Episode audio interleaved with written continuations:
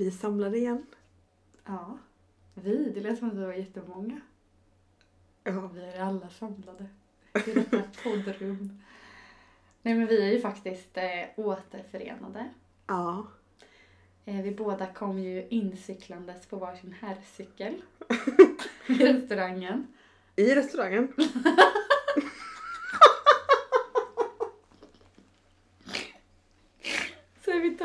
Redan att vi var jättejobbig. Och sen kommer vi cyklandes in. Vad sjukt det var. Du satt ju eh, och sparkade bordsgrannen några gånger. Ja. Alltså. Jag ville sitta bekvämt typ på sidan och då blev det varje gång att jag sparkade. Det roliga var bara att det hände bara två gånger. Och jag tycker att han agerade som att det var mer. Verkligen, eller hur? Alltså om någon hade råkat sparka mig på restaurangen, då hade inte jag kollat här som han gjorde. Det var som att, så här, som att han typ ville säga till han som satt framför bara, vill hon mig något? Eller liksom, han ville göra en stor grej av det. Bara, men alltså säg bara det är fara. Ja, för första gången var det så här, oj vi mötte blickarna och jag bara ah, sorry typ. Ja. Och sen åker jag hända igen att sparka honom. Men då var det nog, alltså han trodde ju typ att jag ville något. Ja men det var nästan att han tog upp händerna så här. Bara, Excuse me? Ja. Varför säger vi, varför pratar vi på engelska? Jag Han tror- pratade på engelska. Han pratade engelska. Och jag bara, oj förlåt. Mm, alltså. Och ja, men vi kom i alla fall cyklandes till restaurangen och sen åt vi en jättemysig middag nu precis innan vi spelar in. Ja det var så gott. Kommendören var vi på. Mm. Och råbiff och kronärtskockasallad. Mm. Kronors kocka. Vad sa jag? Krocka? Ja det sa du när du beställde också. Jag tror jag har aldrig trott att det heter det. Jag älskar det. Ja, Ja. kronärtskocka. Kocka. Mm, väldigt gott faktiskt. Ja, väldigt gott. Mm. Eh, och nu spelar vi in då för första gången på tre veckor. Ja. Det är första gången vi gör det. ja, vi har aldrig haft så lång paus. Nej men vi har alltid spelat in en gång i veckan ju. Ja, just Till det. och med i somras. Oj. Ja. Men det känns ju eh, väldigt bra att vara här igen. Ja. Sen har det varit så här härligt att bara ha avsnitt att eh, spela upp ändå. För det hade varit jättetråkigt att ha en paus. Ja, nej men precis. Nej men det har ju varit Det har varit lite konstigt för man hör sig själv prata. Ehm, men det är liksom inspelat i en annan tid. Det blir så nästan orelevant. Ja, det här var ju två veckor sedan. ah, alltså uppdatera. Men ja, alltså jag kom hem i morse.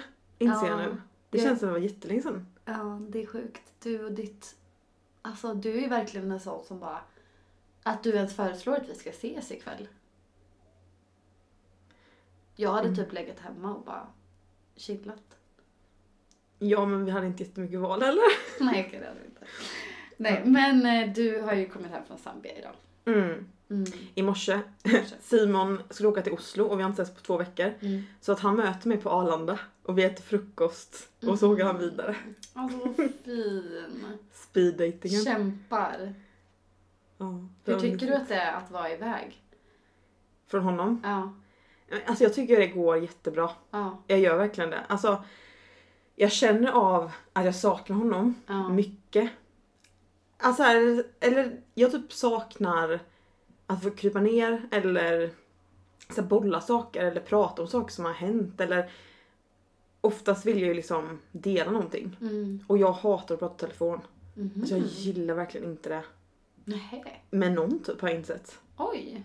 Så jag och Simon vi hördes ju typ en eller två gånger. Ja. Men hur känner du att du uppdaterar? Skriver du någonting så här då? Ja, Eller? vi smsar mycket. Ja. Smsar gör vi typ ja, men ganska ofta. Mm. Eh, men jag gillar liksom inte att ringa och så bara ska man... Nej, jag tycker inte det är nice typ. Mm. Ehm, men så jag känner ju att jag saknar honom men jag tycker verkligen inte att det är jobbigt. Inte Nej. alls typ. För att ehm, det har varit jobbigt kanske om han satt hem- hemma och väntade men han har också haft fullt upp. Mm. Så det är väl så att man längtat efter varandra. Man har sagt att man, ja men så här, när vi planerat så, så fort man ska komma hem, typ på onsdag ska vi ses och ha middag. Och då kan man Mm. längta till det. Men jag tycker verkligen inte att det är jobbigt alls. Mm, jag har typ bra. aldrig tyckt det. När vi varit ifrån varandra. Vad skönt. För då hade du Mm. nog inte njutit av att vara borta heller. Nej, Om man bara tyckte att det var jobbigt. nej precis. Men jag vet ju att det är liksom inte så länge och jag har, för, alltså det har varit fullt upp med roliga saker så jag har inte ens Ja. har känt att Alltså det, han skulle ju inte vara där Nej. och då saknar jag ju inte det. Och allt är ju så här, det här är en säsong där det är så. Ni har jobb där ni kan resa nu. Det Mm. kanske inte kommer vara så sen. Nej. Så då får man ju njuta av att det är så nu och typ göra det bästa av det. Och se de positiva sakerna som kommer istället för att bara, åh det är så jobbigt att vara ifrån varandra. Istället se liksom, åh det här är så härligt med det här. Vi får typ sakna varandra jättemycket. Mm. Och älska när vi ses igen och ja. Ja, alltså de, då blir det ju så här när man väl ses. Nu har vi bestämt sig på onsdag så ska vi äta middag och uppdatera om allting. Mm. Men sen ska han åka iväg igen. Han är borta nu, så åker iväg igen. Så det är verkligen, vi ses lite då och då. Mm. Men just nu, ja, han är ute och jag bara märker hur han trivs med det han Mm. gör. Mm. Och jag vill typ inte ha det på något annat sätt just nu. Nej. Det är, så, det är kul liksom, vi uppdaterar varandra, vi är i varandras liv hela tiden Mm. men vi, vi eh, Det Vi en ses väldigt stor ofta. skillnad att man så här uppdaterar varandra, skickar små bilder eller skickar Ja. sms liksom. För då hänger man ändå på med och så här, ja, ah, du gör ju det här nu. mm, För om man är borta en vecka och så typ inte så här vet så mycket, då känns det som att det är svårt att ta igen allt som har hänt på en Mm. vecka. ja. Nej precis. Okej, men då hälsar vi hej och välkomna. Ja det tycker jag. Varmt välkomna till Life with H.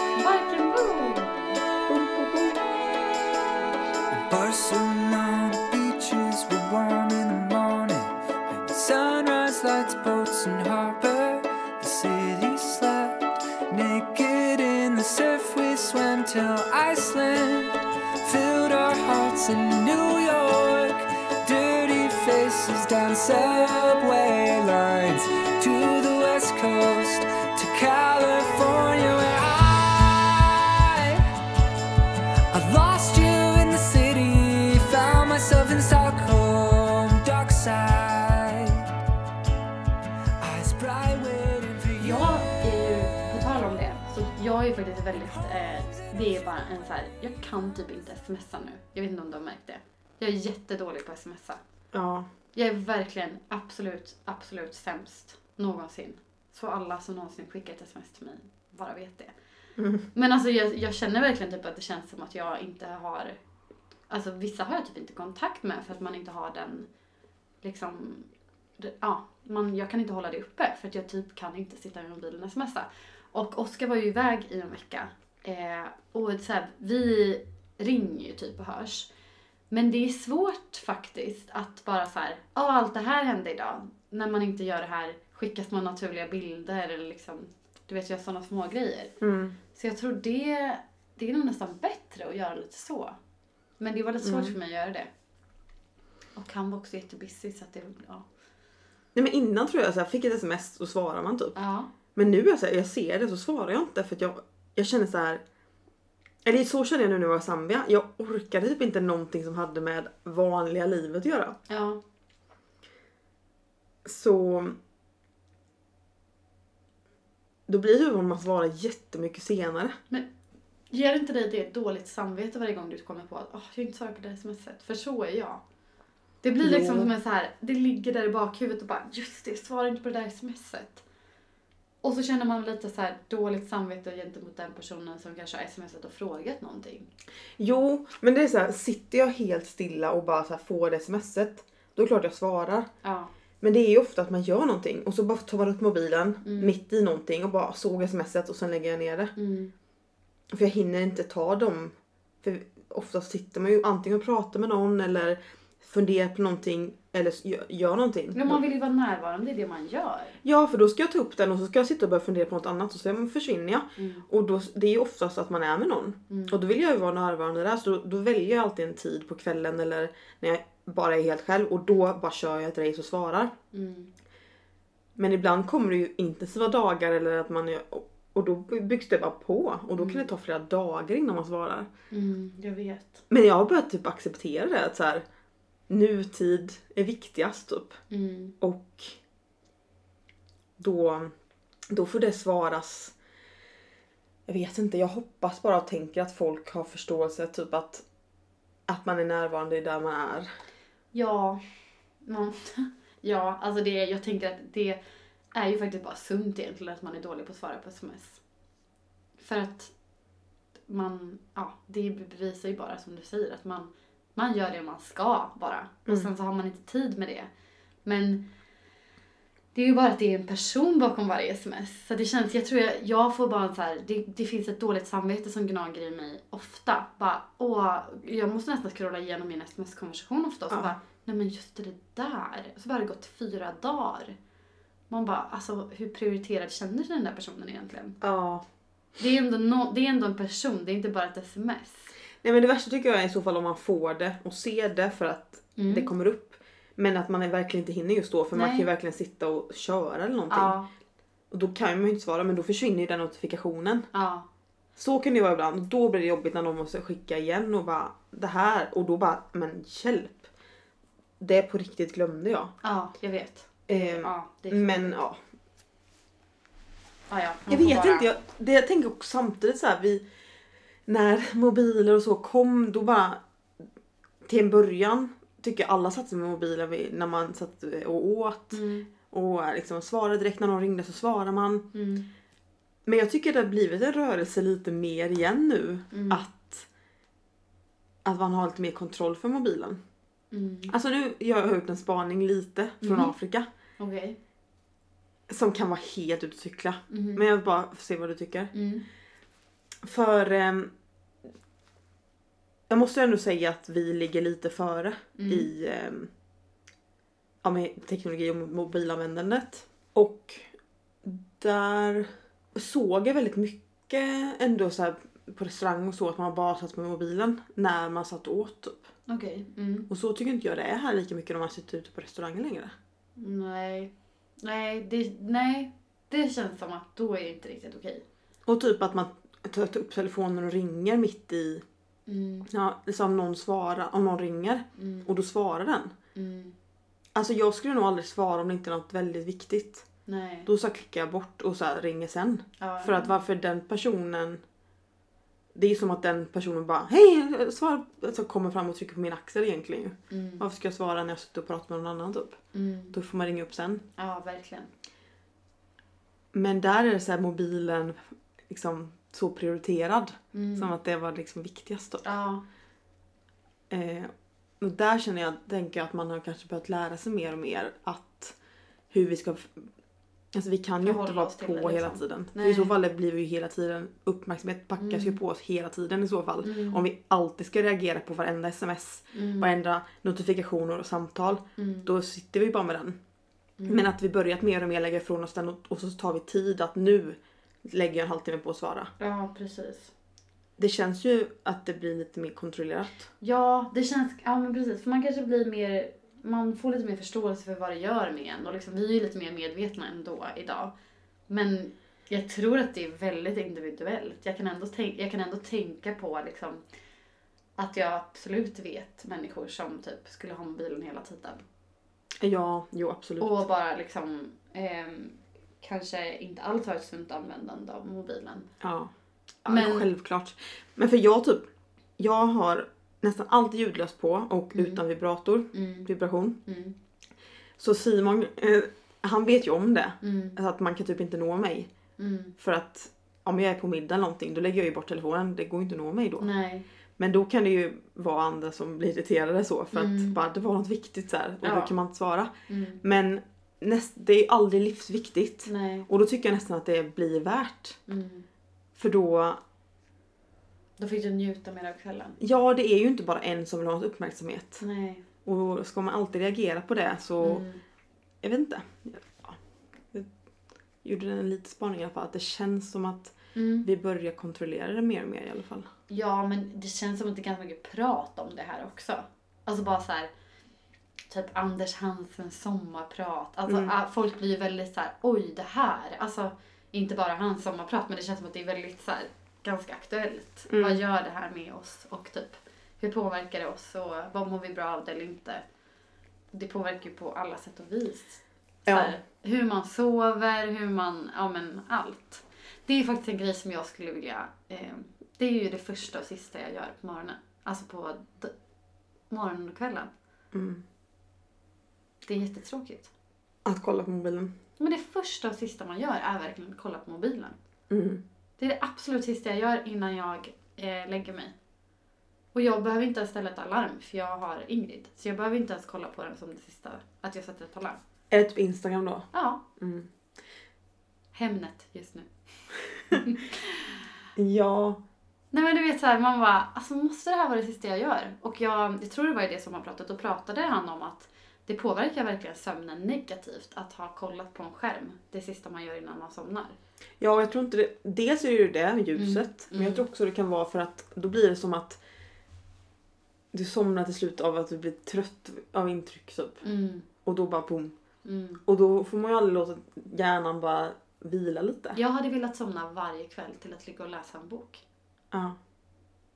Att det ska vara mitt nya. Level up. Åh, Bara, jag kör det nu. Jag känner när du sa att jag hade saknat det. Ja, det var Level jättelänge sedan. Nej men det ska verkligen, alltså nej jag ska bara göra det. Om det är så i en sida. Så mycket härligare och bara, nu stänger jag igen boken och så ska jag somna. Ja. Okej. Jag kom in i lite perioder men jag brukar nästan alltid lägga från mobilen och somna bara i mig Mm. själv. För då brukar jag gå igenom typ, ja, typ vad som hänt på dagen eller bara Mm. så här, lägga mig och andas. Mm. Alltså man har svårt att somna, tips om man Mm. sover med någon. Lägga sig och andas i takt med den. Mm. Alltså för då, man, man, kan- det går inte att tänka på något annat för att det går bara att tänka på det. Mm. Annars Jag hade legat och stört mig på andningen eller något. Nej men det är så skönt för då kommer man in i det. Och det är då såhär kan man- djupt här.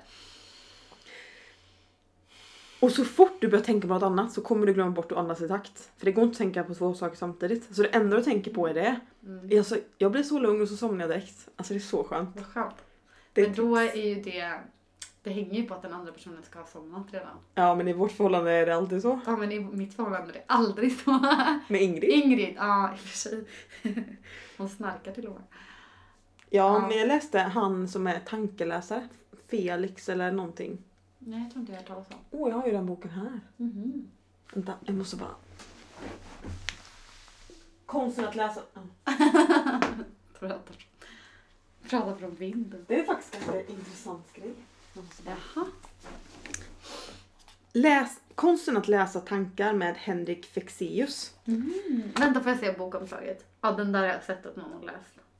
För han är typ så här, förstå hur andra känner, påverka andras tankar, upptäck hur man Är han typ flörtar. säljare? Nej.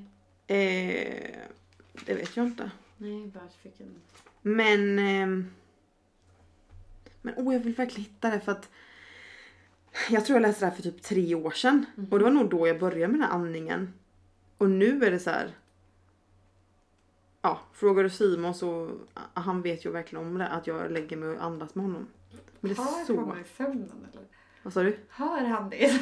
Nej men jag har typ skrivit det ibland så här, man skriver typ Jaha. kärlekstexter om man förlorar någonting. Jaha. Bara det bästa jag vet är att lägga mig och andas. Mm. Men- det var fint faktiskt. Men då Andas i står han... Med dig. Ja men det... Men jag tror han känner det också i och för sig för att när jag Mm. kryper ner så vaknar han nog till lite. Mm. Och då tror jag han känner att jag börjar andas i takt. Mm. Men- Fint. Tycker du det? ja, alltså du, du får det att låta så casual. Och så bara, fast det bara så här, och så ligger vi där och andas i takt. Alltså jag förstår att det låter kanske konstigt och typ som att vi inte gör det. Ja, nej men. Men jag gör det verkligen Ja, varje kväll och det... Det blir väldigt casual men det är väldigt skönt. Ja, och Och fint. väldigt mysigt. Ja. Men då sa han i alla fall att oavsett om det är en kärleksrelation eller vän eller hund eller barn. Mhm. Att man ska testa det att andas i takt. Så. För det var så, nog så jag började göra När på det. dagtid. Nej, när man går och Nej. lägger sig. Ja. För att man blir så nära. Aha. Det är någonting med det om man gör det liksom länge så. Att man blir väldigt intima. Mm. Eh, så att man, man blir väldigt fint connectade typ. Mm. Eh, kom jag på nu att det Mm. var faktiskt det. Men det var då, då jag testade det och sen blir det ett beroende. Eller det är liksom lätt att somna då. Ja men bra ju. Till alla som Det är också intressant för det, det, det gör också att jag, är ganska, jag noterar ju alltid hans andetag nu. Ja. Det är ganska intressant så här ibland om han liksom har mycket märker jag att det är snabbare. Jaha. Och då blir jag såhär, nej nu får du andas ner för annars, jag kan ju inte andas för då blir jag, jag ju Alltså jag måste andas lugnt annars blir det väldigt svårt att somna om det är så för snabb Jaha, andetag. du hör liksom om man typ är bekymrad. Ja. Och det är så intressant för att man hör det. Jag kan höra att Ja men som sagt han andas för snabbt och då blir det obekvämt Mhm. för mig. Jag bara nej men nu måste vi andas saktare. Så att det kan ju vara bra också om man har en partner eller vän Mm. som man sover hos. Mm. Att helst så ska man kunna ta djupa långa andetag och inte liksom andas för eh, Snabbt. Ytligt. Ja. Jag ska tänka på mina egna.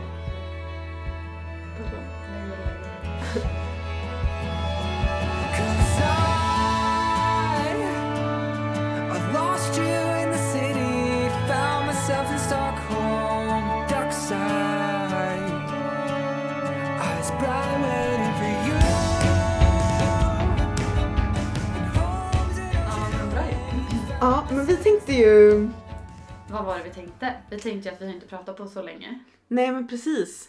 Och är det så här bara ah, berätta om Zambia för jag har ju varit där. Mm. Och bara berätta vad du gjort här. Mm. Då, alltså det finns så mycket att välja på. Och Man, man känner blir, sig bara, det kommer inte räcka till. nej och så blir man nästan såhär, åh ska man välja, ska man beskriva någonting som, nej. Så Mm. därför så tänkte vi, ja men du har sett och tänkt lite vad jag har varit med om och samma sak tvärtom. Mm. Mm. Så vi bara frågar, ber varandra välja en händelse eller någonting man själv har tänkt på att den andra kanske varit med om och Mm. frågar specifikt om det. Mm. Så Det tycker jag låter jättebra. ja, det blir ju kul. Får jag bara ta en liten choklad? Jag tycker bara en choklad. Ja, det får du. Va? Det lät som att jag inte alls lyssnade på vad du sa. Bara, ja, ja, ja, låt mig bara äta lite choklad. Mm, vad var det? Choklad fudge. Fudge havssalt. Så god. Mm. Okej. Mm. Vem, vem ska börja? Du eller jag? Du eller jag? Jag börjar fråga. Okej. Shoot. Okej. Mm. Oskar har ju varit i Milano Mm. och ehm, då har ju du varit själv med Ingrid. Mm. Och ehm, jag har ju följt era stories. Ja. Och då kan jag också säga att det är inte många stories jag kan verkligen sitta och kolla på. Alltså oftast har man ju korta stories. Mm. Men du kan ju lägga upp en lång. Jag vet, jag vet inte om det är så bra. Jo! Nej men alltså nu är det här bara en hyllning. Okej. Mm. Men för det är ju som, det kan ju vara att hon står och äter ganska länge. Ja. Men alltså det är så intressant. Jag har blivit en sån mamma alltså. Jag Men, klipper inte ens mina videos längre. Ja men men, vad bra att du tycker det, vad fint. ja, det Mm. är ehm, väldigt fint. Men det Mm. känns också, men du gör ju lite så, du tar ju en bild och så lägger du upp den. Mm. Och, och ehm, men du får ändå så snygga bilder och filmer. Men eh, det känns i alla fall som att man är mm, bara mitt i det. Men i alla fall det, det jag skulle säga var Mm. att hur har det varit? Så här, har du... ehm, för det har ju varit ni två liksom. Mm. Känner du att du bör kunna njuta av det och att det varit... För det är ju... Det ser ju såklart bara väldigt mysigt ut. Mm. Är det så eller hur? Vad har du fått? Har du njutit av att bara vara ni eller har det varit så att du fått... Är det jobbigt att bara vara själv Mm. och ta hand om Ingrid? Mm, alltså både ja och nej på allt. eh, för det första så tänkte jag på det nu när du sa det. Det ser ju bara väldigt mysigt ut. Och man lägger ju verkligen bara ut det som ser väldigt mysigt ut. Det var någon annan som sa det bara. Hon, hon gråter all, eller så här, hon är ju alltid glad. Jag bara, ja, alltså nej det är hon verkligen inte. Men det är klart att det är bara det jag lägger ut. När Mm. hon är glad. Det är då jag typ tar upp filmar. Jag ska- Annars är det nästan lite elakt. Ja, Om hon alltså hon skriker och du så bara- bara... Hallå? Nej men eh, det är ju verkligen inte bara så det är såklart. Jag, jag typ var lite så här innan han skulle åka. Jag bara, vad mysigt, bara jag och Ingrid en vecka. Det kändes inte alls jobbigt. Det kändes bara så här, mm, då kan vi göra, ja men passa på att göra saker som bara vi känner för. Eller liksom, jag behöver inte förhålla mig till Oscar eller någonting. Mm. Eh, men eh, sen så typ halva veckan in så bara, oj. Alltså, det är verkligen så tufft att inte få någon paus. Att liksom ha den här ettåringen liksom hela dygnets timmar. Mm. Och det är typ allt ifrån att ja, men vi sover i samma säng. Eh, så Ingrid lägger ju, hon sover alltid med oss. Och när Oskar är hemma då kan man ju, alltså, som han alltid är annars, då kan man ju så här, nu, hon vaknar några gånger på natten. Då tar ju han henne och liksom, man delar upp det så. Nu bara så här, alla gånger hon vaknar, då är det bara jag där. Så en natten bara blir ju en utmaning jämfört med andra nätter. Och sen ska man liksom vara pigg på dagen och ta alla, allt, allt på dagen. Och det är allt ifrån, vet, jag tror faktiskt, det jobbiga är inte att vara med henne hela tiden. Det jobbiga är ju att inte få, att inte ens kunna, jag menar att inte kunna bara vara själv. Någonting. Mm. Jag, alltså inte gå på toaletten själv. Typ. Vad gör hon då? Hon sitter på tvättmaskinen och kollar på mig, liksom, bredvid. Och vad, sitter, vad kollar du då? Alltså, Kollar du på henne liksom och kissar typ? alltså vi umgås, vi, liksom. vi sitter och pratar eller bara gör någonting. Ja. För jag tänkte hon sitter tyst och kollar på dig och du kollar på henne bara. Pinsam tystnad. jag måste trycka nu. nej, men, eh, nej men alltså då sitter ju hon och typ leker med en tandborste och håller på. Men eh, ibland sitter hon i mitt knä när jag sitter på toaletten. Mm. Alltså det är liksom noll, det är verkligen noll tid för att vara själv. Men? Man kan bli galen till slut typ. Ja det är så. Det var så här, på onsdagen, jag bara, jag har inte duschat sen i, ja det kanske till och med var söndagskväll. För bara, jag har varit för trött på kvällen så jag har bara somnat. Och sen så har hon varit vaken hela tiden. Och den enda gången hon sov mitt på dagen, då har, då har det liksom inte passat. Så då har jag ju stått med henne och duschat liksom. I, alltså hon har stått i en hand, men jag har schamponerat mig med en hand i duschen. Chill. Typ sådana grejer, man bara, hur, jag vet, det är så svårt att vara själv. Och tänk då med tre barn. Nej, jag fattar inte. Alltså, ja, cred till alla som har fler barn.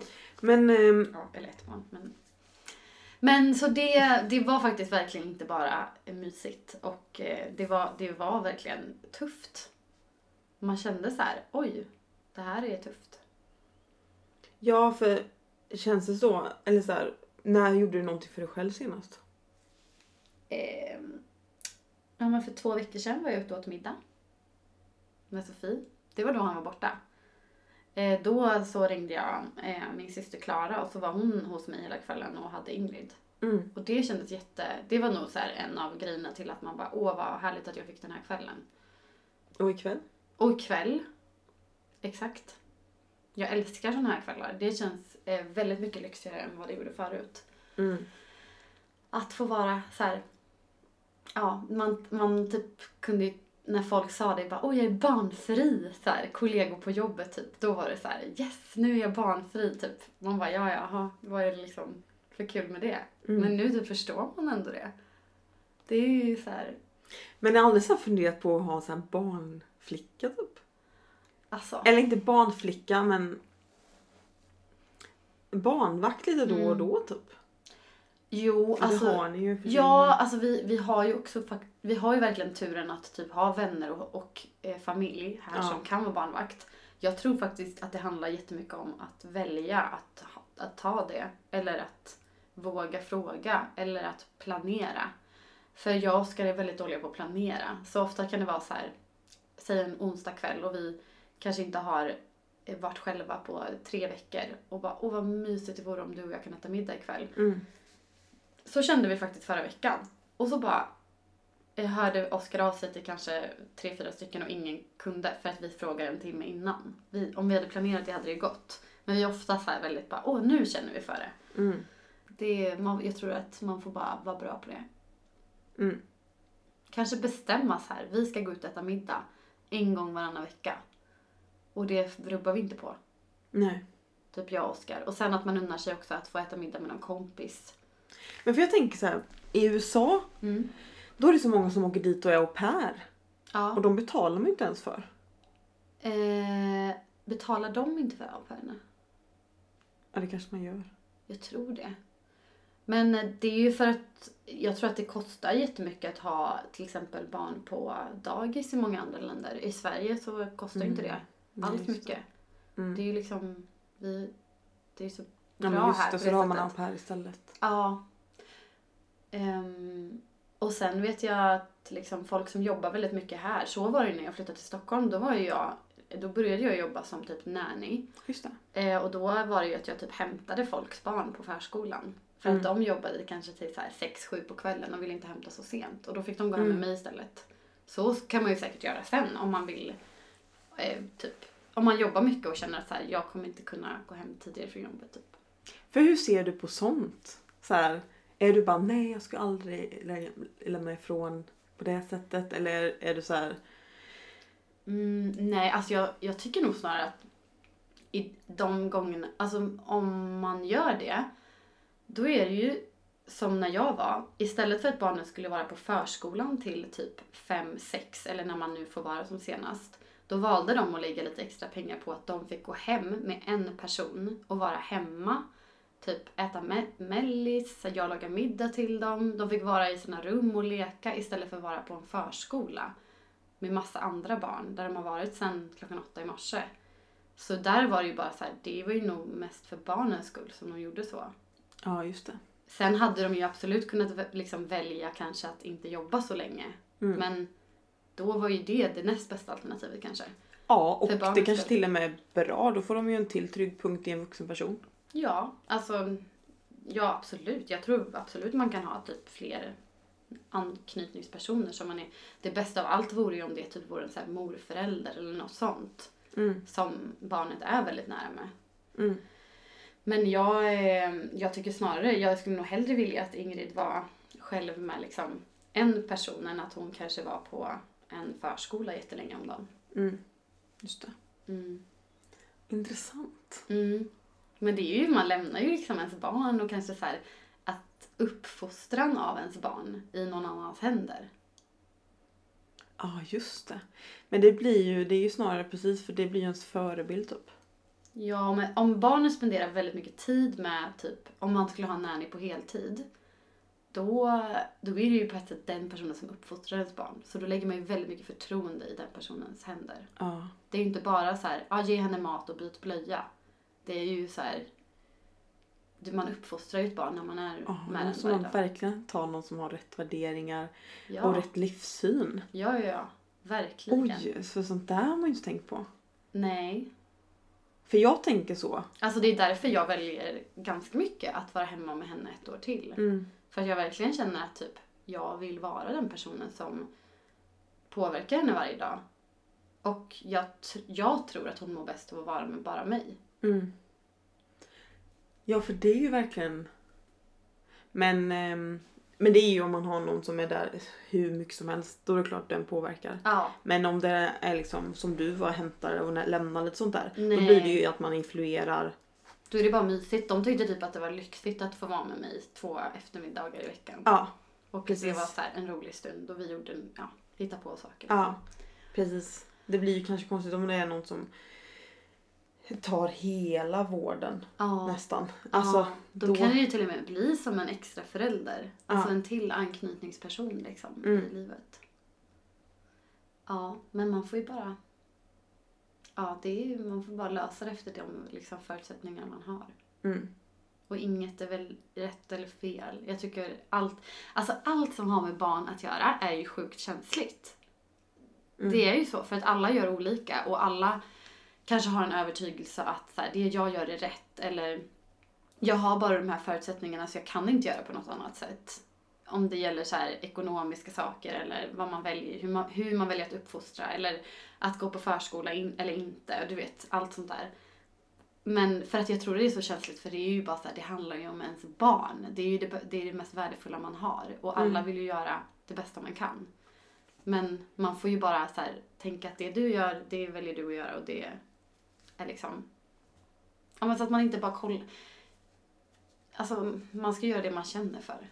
Mm. Man behöver inte se ner på något någon annan gör. Eller, det är kanske jättebra för den personen. Och det här funkar jättebra för oss.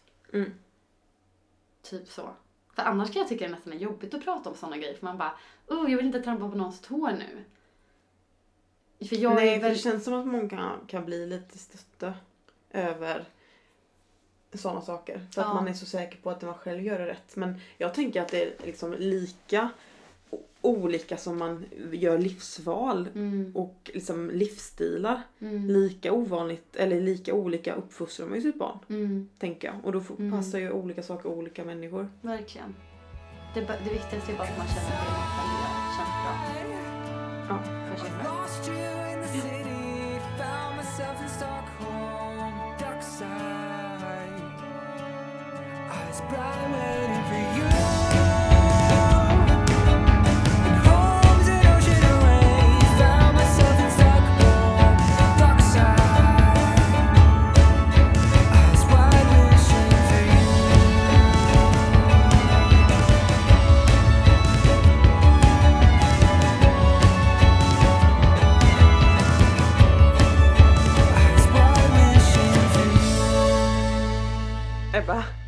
om jag säger inredning, vad säger du då? Kurser! Inrednings... Kurser! det roliga var Vadå? att jag blev så pepp. Ja! Det kändes som att jag så här klarade provet. För det var ett prov. Jag bara hoppas hon fattar att du ska säga kurser nu. Inredningskurser.se. Vi är ju Ja. sponsrade även i det här avsnittet av de härliga kvinnorna på inredningskurser.se. Mm. Och nästa avsnitt, vad kommer vi få vara med om då? Nej men då kommer vi få ha den självaste grundaren av inredningskurser hos oss. Anna. Mm. Och, och varför är det så bra? Jo men det är så bra. Jag tycker personligen att det är så bra. För att hon kommer hjälpa oss och, pra- och liksom, eh, hjälpa oss att bli- bättre på att inreda i vårt vardagsliv och bara i våra hem. Mm. Hon kommer ge sina bästa tips på det. Vilket jag jätte, tycker ska bli jättekul att höra. Det känns Eh, som att du har så här, bara svarat massa frågor. Ja, för att jag kanske också ska flytta. Och då kommer jag ju så här börja om på nytt. Inte börja om på nytt, men vad ändå. kommer du fråga typ då? Eh, men typ mycket så här materialval, vad man ska tänka är liksom typ skönt för ögat och vad man trivs Mm. med i vissa rum. Just det. Så här, vi- vilka träslag kanske att blanda, liksom lite så här, och mycket så här färgsättning. Jag tycker det ska bli jättekul att typ måla olika färger i olika rum. Mm. Alltså fina liksom sköna färger. Mm, för de brukar ju säga så att man gör vissa misstag ibland. Precis. Som de bara kommer... Det var en grej som jag blev så här jättepepp på för hon skulle eh, dela de vanligaste inredningsmissarna folk gör. Ah. Och det känns som att man kommer kolla runt hemma och se alla de missarna hemma. Man bara, kom inte hem hit! Ja, Fast här är, här är det kvalitetssäkrat nu av Ah, ja, ja. Lovisa Häger. ja exakt. Ja, och jag tycker också det är väldigt kul för att hon är ju så ball för att 2005 så startade hon det här för att hon bara ville följa sin passion. Alltså hon älskar inredning så bara startade hon upp det här. Mm. Och sen dess har hon ju byggt upp det här till som sagt Sveriges största utbildning. Inom inredning. Ja, Ja. och hon har ju anställt så de har ju ett team på åtta nu. Mm. Eh, så det är så kul också bara höra hur man byggt upp det här. Ja. Tack så mycket! Bra, hej! hej.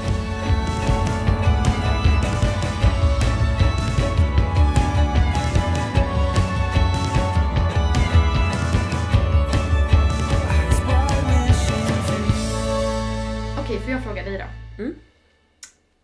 Du har ju varit i Zambia. Mm. Eh, Jag ska inte fråga, berätta om Zambia. Men jag tänkte, för jag vet ju att det här har varit en, det har ju inte varit liksom en så här, åh jag ska åka på semester. Utan det är ju, ni har ju åkt dit med ett projekt Mm. som ni har gjort. Jag vet också att det har säkert varit jättehärligt eh, på massa sätt. Men också säkert väldigt jobbigt. Eh, för att det är ju verkligen en så här, ja det är allvarliga saker man, ni, ja men det här projektet handlar om. Mm. Så kan du inte berätta någonting som har varit riktigt jobbigt? Jo. Ehm, och jag måste säga att jag trodde nästan att det skulle vara jobbigare än vad det var. Mm. på något sätt. För att jag tycker någonting är jobbigt när det är jobbigt punkt. Alltså att någon människa har en livssituation som är hemsk Ja. och så är man hopplös i det. Mm. Det är då jag, då blir jag ju ledsen och liksom drabbad av det. Mm. Men nästan alla, för det var ju att vi intervjuade människor. Mm. nästan alla vi pratade med och intervjuade, då fick man höra hemska berättelser som är så här, nej men. Jag har aldrig någonsin hört en liknande historia. Det är så här, det är liksom, finns inte. Men nästan alla då, eller alla, är sådana som har vänt den smärtan till något, en styrka Mm. och gjort någonting av det. Antingen liksom hjälper en massa andra eller blivit en, en, en inflytelserik människa för andra människor. Mm. Eh, ja men bara liksom gjort någonting av det hemska den varit med om. Vilket gjort att man mötte väldigt unga människor. Mm. Väldigt unga kvinnor. Som ändå så här känns som har haft flera liv. Mm. Och det var ju för att de varit med om sådana sjuka grejer som gjort att de var tvungna att växa upp typ. Mm. Eller inte växa upp men växa in i sig själva och lära sig om sig själva. Ja. Så att jag menar bara att jag har inte drabbats på det sättet som jag trodde jag skulle göra av att jag bara kände mig helt hopplös typ. Mm. Utan min känsla generellt är att jag är så här typ taggad och förväntansfull på att Det man kan vända ja. allt. Mm. Alltså men allt, man kan ju vända allt man är med om till någonting Mm. positivt. För att de historierna man har hört nu varit så här. Jag kan berätta lite då. Mm. För grunden i, i projektet är ju att men vi varit ute och insett att det är så många kvinnor som inte någon gång har fått möjlighet att välja för sin egna liv, välja åt sig själva på grund av att de inte har kunskap om att de kan göra det. Mm. Och då menar jag till exempel att eh, de blir gravida när de är 13 år Mm. och aldrig någonsin har hört att det finns något som heter preventivmedel. Mm. Eller att det är lagligt att göra abort om man nu skulle bli våldtagen till exempel. Mm. Vilket gjort att man får barn och sen fortsätter det bara för att det finns ingen preventivmedel och kulturen är att det är okej att våldta och att man kan Är bara det en sex. sån liksom kvinnosyn? Ja, och sen är det inte så överallt. Lusaka där vi var, det är ju lite mer framåt anda och annan kultur. Men ute i byarna så är det ju en, alltså det, de har ju kurser inför en, ett giftermål om hur en kvinna ska bete sig mot en man. Mm. Alltså att, att man, kvinnan är underlägsen mannen.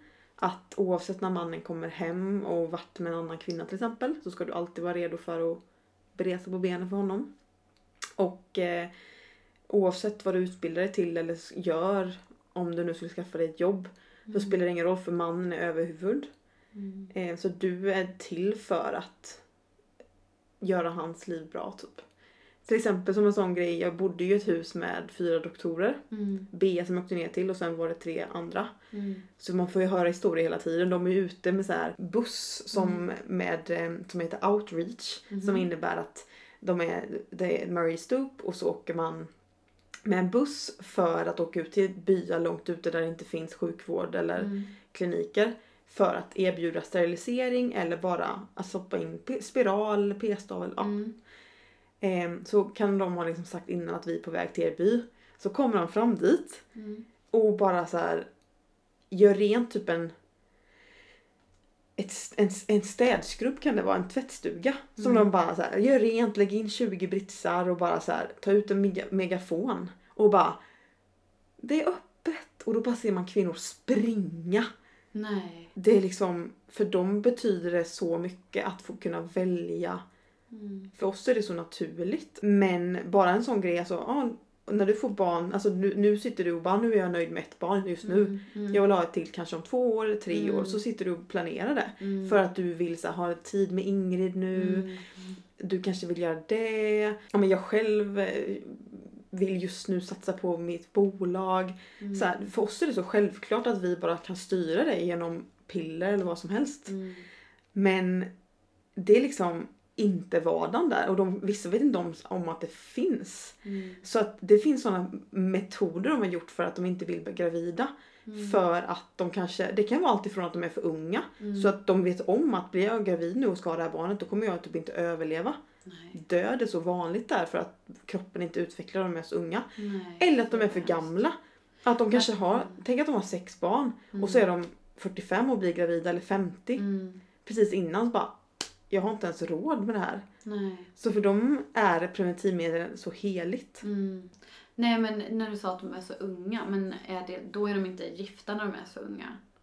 Alltså det är typ om de skulle råka ut för någonting. Ja, antingen kan det vara våldtäkt för det är väldigt vanligt Mm. och det liksom ses inte som något fel. Mm. Det är liksom inte så att mannen, alltså han får liksom inget. Det är snarare att man ser att kvinnan är så här, vad hade du på dig typ. Mm. Som att det är hennes fel. Antingen det eller så är det bara som vår kultur, alltså Mm. att folk vill ha sex. Mm. Utan, alltså bara för att man är...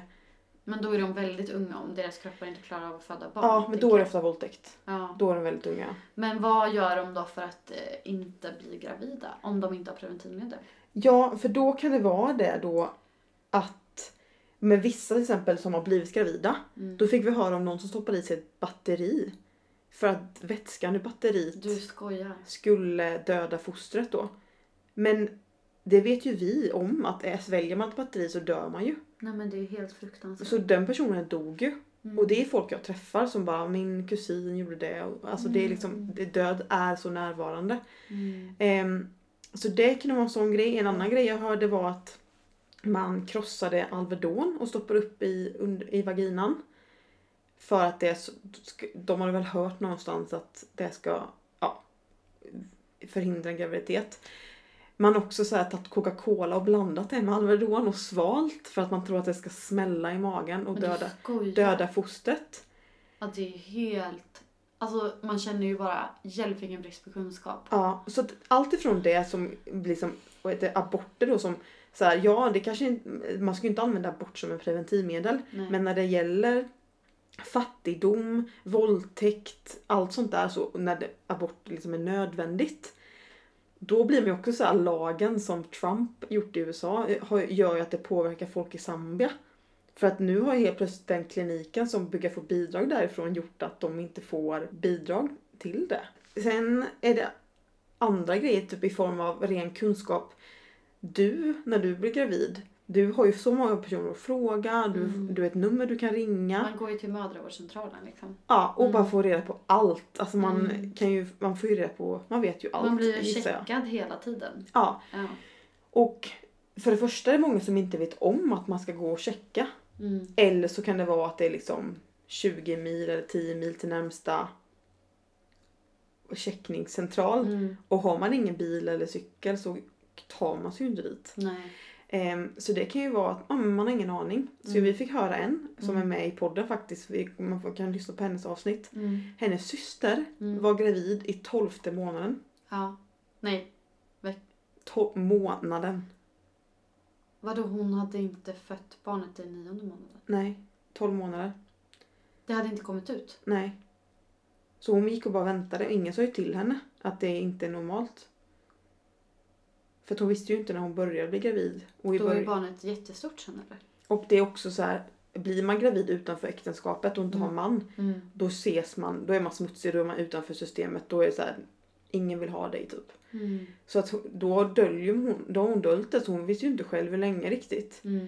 Ja, men sen kom hon till slut in till sjukhuset då Mm. och ehm, bara visade sig att hon var gravid i tolfte månaden. Mm. För Jag tänker bara, här är ju anledningen att man får inte gå över mer än typ två veckor för annars så Alltså annars blir det ju en fara för kvinnan typ. Ja, men det var någonting sånt hon skulle föda. Hon trodde att hon skulle föda för att det blev en sån sjuk verk eller någonting. Mm. Men det var ju en, ja, att barnet dog eller Mm. alltså det, ja, det kom Vad ju inte ut utan det kom ut på något konstigt sätt typ. Mm. Och sen eh, dog hon. Kvinnan. Ja. Nej fy vad hemskt. Och sen var det en annan som försökte stoppa upp grejer under livet, så här vassa grejer för att försöka typ, döda fostret. Nej alltså usch jag klarar inte ens av att... och ehm, ja, men det är bara så här massa olika saker. Vissa äter ju så här dagen efter-piller. Mm. Det ju, ska man ju äta max en gång i månaden. Ja, inte ens det typ. Mm. Alltså det är ju inget, det är inget preventivmedel. Nej. Det är ju en alternativ abort Mm. antar jag. Eh, men ingen har sagt de här kunskaperna som är helt naturliga för oss. Så vissa åt det varje dag som en p-piller. Och det blir ju helt konstigt med kroppen. Mm. Så att det är så här, ja. Så det är såna informationsbrist som är helt otrolig. Ja. Men som gör att kvinnan i Zambia Många får många barn utan att man vill vilket gör att man hoppar av skolan. Så då Mm. får man ingen utbildning. När man inte får den här utbildningen då får man ju mindre information om ens rättigheter. Mm. Så här, vad har jag rätt att kräva? För, Mm. ut, eh, för hälsovård bara, eller vad har jag rätt till? Och får man inte den utbildningen eller informationen Mm. då vet man ju inte ens vad man har möjlighet att önska i livet. Mm. Så det blir den här onda cirkeln och så gör det att man inte kan bidra till samhället. Då blir man ju automatiskt lite utanför samhället. Mm. Och mannen blir då överordrad. Och det blir den här onda spiralen. Mm. Ehm, och många gånger är det fortfarande sa- sagt så mycket att det ska vara så. Och som sagt så finns det så olika kurser Mm. man tvingas in att gå. Mm. Där man säger liksom att ditt syfte i livet är att vara mamma ta hand om familjen. Och här låter ju inte det som något hemskt. Nej. Det är ju något jättefint att Mm. det är en syfte. Mm. Så, men att säga att, att det är ens enda syfte, att du är liksom inte värd till någonting annat. Mm. Det gör ju att kvinnan blir snarare en maskin eller en, en eh, objekt till, till mannen mer än att det är faktiskt en individ som kan välja själv. Mm. Man får jättegärna välja att det är en syfte. Ja, men de valet- val. Nej. Så att det är det vi vill göra så att lyfta kvinnor som är från områdena som Mm. inte kommer någon helt annanstans ifrån och i annan kultur utan exakt samma kultur Mm. men själv gjort val i livet. Mm. Som gjort att ja, men man har tagit preventivmedel eller bara gjort en familjeplanering som har gjort att man har kunnat informera sig, få mer utbildning eh, och sen blivit mer stark i Mm. det. Ja. Men många av de historierna man fick höra om i alla fall gjorde ju att man bara hjälpte så ser livet ut och var orättvist. Mm. Samtidigt så kändes det också så tydligt vad det var som fattades. Mm. Och det är så här information, Mm. utbildning. Och då Mm. pratar jag inte bara om utbildning på någon hög nivå utan Nej. det är liksom att de inte gått klart så här, fjärde klass upp. Mm. Och det är ju också så här att även fast det är så annorlunda här så tyckte jag det gav nyanser på saker som är utmaningar i vårt samhälle. Även fast Mm. vi är så långt fram. Mm. Som ändå så här kopplar bättre. Mm. Så jag för, jag får förstå för, för så mycket kring jämställdhet och ja, så här saker som... Så det har varit jättestor insikt och så, som sagt så häftigt att se och höra om, om kvinnor som var med om helt sjuka grejer. Så här, tvångsäktenskap eller pappor som eh, sålt kvinnorna. Alltså de vi sitter och Mm. intervjuar som idag är så stora tv-personligheter Mm. har så här blivit sålda som barn och Mm. eh, massa sånt. Men att de men bara så valt att göra det till någonting blivit en styrka och hjälpa andra och så. Mm. Så att det känns så här, man känner förändringen Mm. och ehm, man känner systerskapet. Mm. För det alla kvinnor bara ville var att men så här, finnas där för varandra och här, Mm. dela sin story. Och något som var jättemäktigt. Vi kom till ett ställe, det var Mm. så fint. Women Economic Empowerment heter det. Mhm. Och, de, och det har ju de här grundläggande grejer, så här, prata om mens till exempel. Mm. För att det är jättetabu där. Mm. Det är så här, många tror att det är en sjukdom.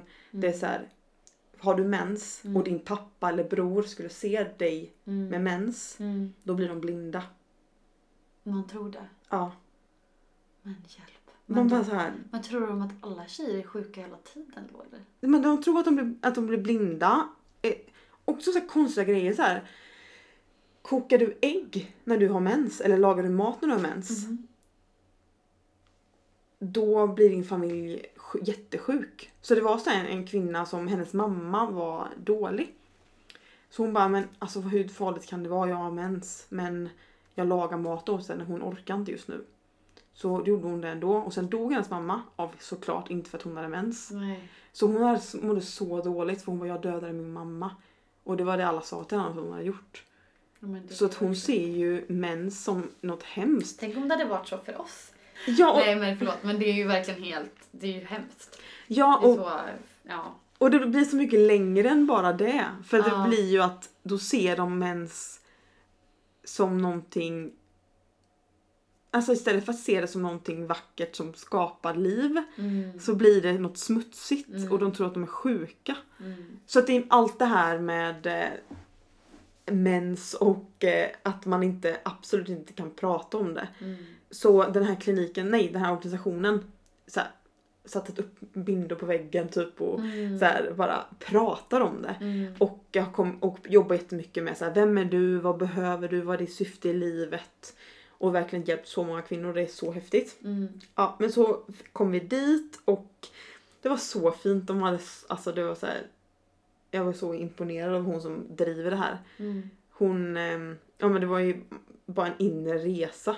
Mm. Så här, liksom allt ifrån att du är helt förstörd och ska tas upp därifrån till att du ska starta ett bolag. Wow. Det är liksom, man bara gick runt och läste inspirationsväggar och ja, där i alla fall så hade de ett rum längst in. Mm. Så jag bara kom in där och bara, det var så här skön blå färg på väggarna. Mm. Väldigt så här färgglatt nästan som att det var ett barnrum Mhm. fast för vuxna. Mm. Så här kuddar på golvet och så här. Jag bara, vad är det här för rum? De bara, this is the reflection room. What's is said in here will never go outside eh, these doors. Mm. Och det är där liksom många kvinnor kommer för första gången och berättar vad, som, vad de har varit med om. Ja.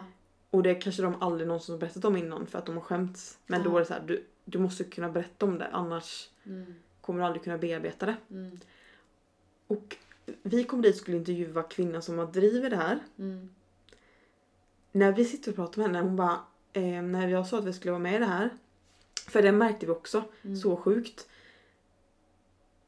Att eh, den här podden, vi tänkte att vi bara skulle komma dit och göra den här podden men det blev nästan en jag ska inte säga att det blev en rörelse men det var som någon som lyfte på locket för första gången. Mm. För de var så här, äntligen får jag säga snopp och vagina. Mm. Det är så här filtrerat i landet. Så att när de hörde att vi skulle komma dit och prata med henne om det, då hade några kvinnor bara, jag vill för första gången berätta min historia. Oj, wow. Och de har aldrig gjort det ens för sina män. Eller för andra. Så att Mm. de ville för första gången berätta det. Och vi bara, ja men det här ska ju sändas i landet och på flera andra ställen. Mm. Men de bara, nej men det, jag måste berätta det här. Mm. Så det, den här stunden var helt magisk. För då bestämmer vi, jag säger det, jag bara, jag tycker vi ska göra det i reflection room. Mm. Så då sitter det, jag sitter med datorn i knät Mm. och sladden till micken och bara så här säger så här. De, alltså, tänk inte på att jag är här. Mm. Bea sitter i skräddarställning mitt emot Mm. en kvinna Mm. och kvinnan så här börjar prata och vi spelar in det här. Mm. Ehm, och så sitter hon som har drivit det här jämte och, och så klappar tjejen samtidigt. Oj. Och när hon sitter och berättar saker hon har varit med om Mm. Allt ifrån liksom att hon blir såld av sin pappa till att hon, ja massa hemska saker.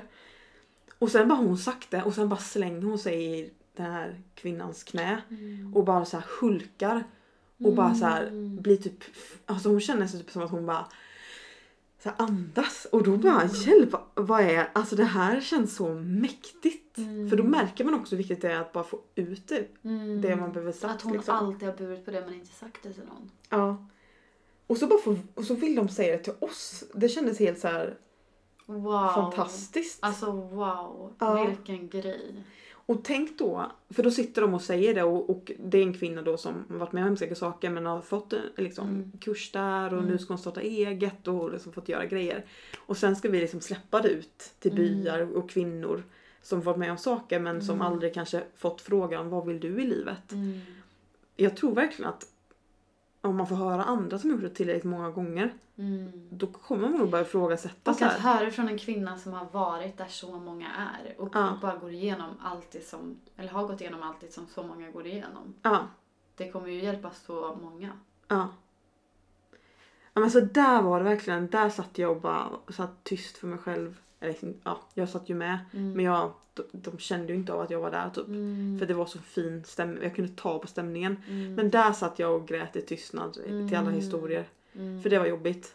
Men annars så kände jag bara väldigt... Jag, jag kände att jag själv blev väldigt... Podden heter ju Empower with Sisters. Mm. Jag känner att jag själv blev väldigt empowered. Mm. För att man fick så mycket av alla historier för att alla hade vänt det till något bra. Ja, Och det blev... Det, man får så mycket hopp då. Ja, Så saker kan vara så mörka och hemska och bara kännas... Hur ska man ens kunna göra någonting åt det här? Ja. Men sen det är ju genom sådana historier man bara wow, Ja. det går verkligen. Ja. Det finns verkligen hopp liksom. Och bara det här, ens liv kan vända så här. Och man, man ser såna där kvinnor som bara, nu har de startat det här företaget. Eller nu liksom, nu har de en lycklig familj. Eller det är ju- ja. Det gör ju allt att få höra det. Mm. Men wow. Så häftigt. Ja. Vad mäktigt. Det var häftigt. Mm. Och man kan ju verkligen inte förstå hur Nej. man inte kan veta små grejer. Men det är Nej. så här, ja. Finns inte kunskapen, har ingen sagt det till en så vet man ju inte. Nej. Vi har det ju så sjukt liksom bra här med sånt. Mm. Speciellt med kunskap känns det som. Mm. Det är så ja, främmande för en att inte veta sådana grundläggande saker. Mm. Men sen vill jag också skicka med för Ja. att jag tycker Ja men bara som en sån grej när jag sa att jag skulle till Zambia så är många Mm. såhär bara va? Ska du åka dit? Det är farligt. Eh, så här. Men och så tänker man Afrika som Mm. eh, ett land. Det är Mm. samma sak. Mm. Men jag vill verkligen få... Du har ju varit i Etiopien till exempel så du Mm. vet ju. Men att det är ju ett väldigt vackert land. Du har inte varit i Zambia just men, Nej. men, men Zambia alltså det, det är ju, alltså människorna där Mm. är så snälla. Man Mm. behövde aldrig vara rädd. Alltså vi Mm. kunde åka ut flera timmar själva med bil, mitt i natten Mm. och man behöver inte vara rädd. Mm. Alltså alla är väldigt så här närvarande, Mm. glada och tacksamma. Det är ju ett land med så här massa djur och alla är helt färgglada. Mm. Så att det är ju någonting med Afrika som gör att man blir helt så här. Ja, men det, jag tror det är lite mer egentligen så som det är naturligt att leva än Mm. här. Mm. Ja, men alla var ju alltid flera timmar sena till intervjuerna. Man bara, är, är det här på riktigt nu? Det var så. Nej men alltså inte ens en halvtimme eller en timme. Det kunde vara tre timmar. Man bara, hallå?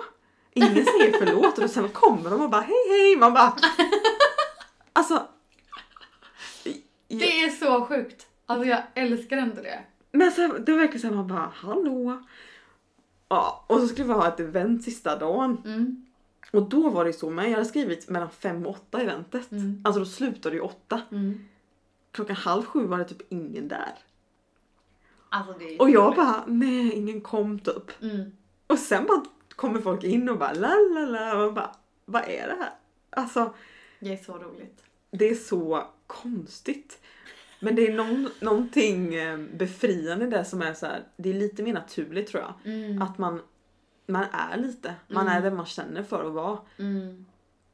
Det är så nästa nivå av italienare. Ja, det... Ingen stress. Men Och alla går så sakta. Nej men alltså jag vet, jag förstår precis. Alltså det, vad du menar med att bara det är någonting speciellt.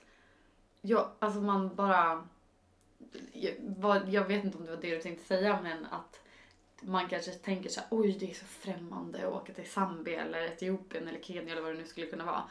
För många kanske åker och också åker till ett sånt land och bor på så väldigt lyxiga ställen. Mm. Men det måste man ju verkligen inte göra. Och jag vet inte om det var det du tänkte säga att så här, ja men man kan göra det. Man behöver inte vara så rädd för Nej att precis, det det ska var vara ändå där farligt. jag började. Ja. Ja. Tack för att du tog upp tråden. jag var rädd för det. Nej men alltså man behöver inte vara så rädd. Såklart att man ska vara försiktig. Men, Ja men precis, men jag tror att man är främmande i det Mm. för att det är någonting som är väldigt ovanligt. mm, Eh, men det är, jag skulle verkligen uppmuntra att göra det. mm, För man får se någonting som är helt annorlunda och då förstår man sig själv så mycket mer. mm, För att det är någonting som är så annorlunda så allt blir hela tiden med nya linser. ja, man får så mycket perspektiv. Ja. Och det är så kul så här. Jag satt och pratade med en till exempel. Som bara... Ja, var du? Jag bara, jag bor i eh, huvudstaden. Mm, Bara, var kommer du ifrån? Jag bara, men jag kommer från ett litet mindre ställe. Och så sa jag så här. I'm from a rural village. mm, Tror jag sa, in Sweden. mm. Och hon bara. And you live in the capital? Jag bara. Ja. Bara. Wow. How did you do that? Och då inser man att Mm. där att ta sig från en by Mm. till storstan är Mm. väldigt stort steg. Alltså Mm. det är ju väldigt... Det gör man inte bara Man sådär. har ju inte ens de ekonomiska förutsättningarna för det. kanske. Nej, alltså vi flyttar ju runt lite hur vi vill. Det spelar ingen roll Mm. var man bor någonstans. Nej. Här. Nej. Eh, men bara som en sån grej bara, Men det är ett väldigt häftigt land alltså. Vad kul. ja. Eh, men eh, okej, vi eh, har ju pratat på jättelänge nu. Och jag är så glad att vi fick höra så mycket om Zambia. Mm. Det är verkligen så... Ja, du måste säga till när den släpps. Så alla kan lyssna. Ja. Det Mm. kommer släppas eh, i slutet på oktober, i början på Åh, november. vad kul. Ja. Jättekul. Ja. Bra, men eh, tack för den här terapisession. Jag kände att det var skönt att prata om allt igen. Ja. Bara det gick en timme och bara va? Ja, vad hände? Bra, men då säger vi hej då. Det gör vi. Fin oktober. Nu hoppar vi in i oktober. Ja, det gör vi. Just det. Glad oktober. Allesammans. Okej, Okej, kram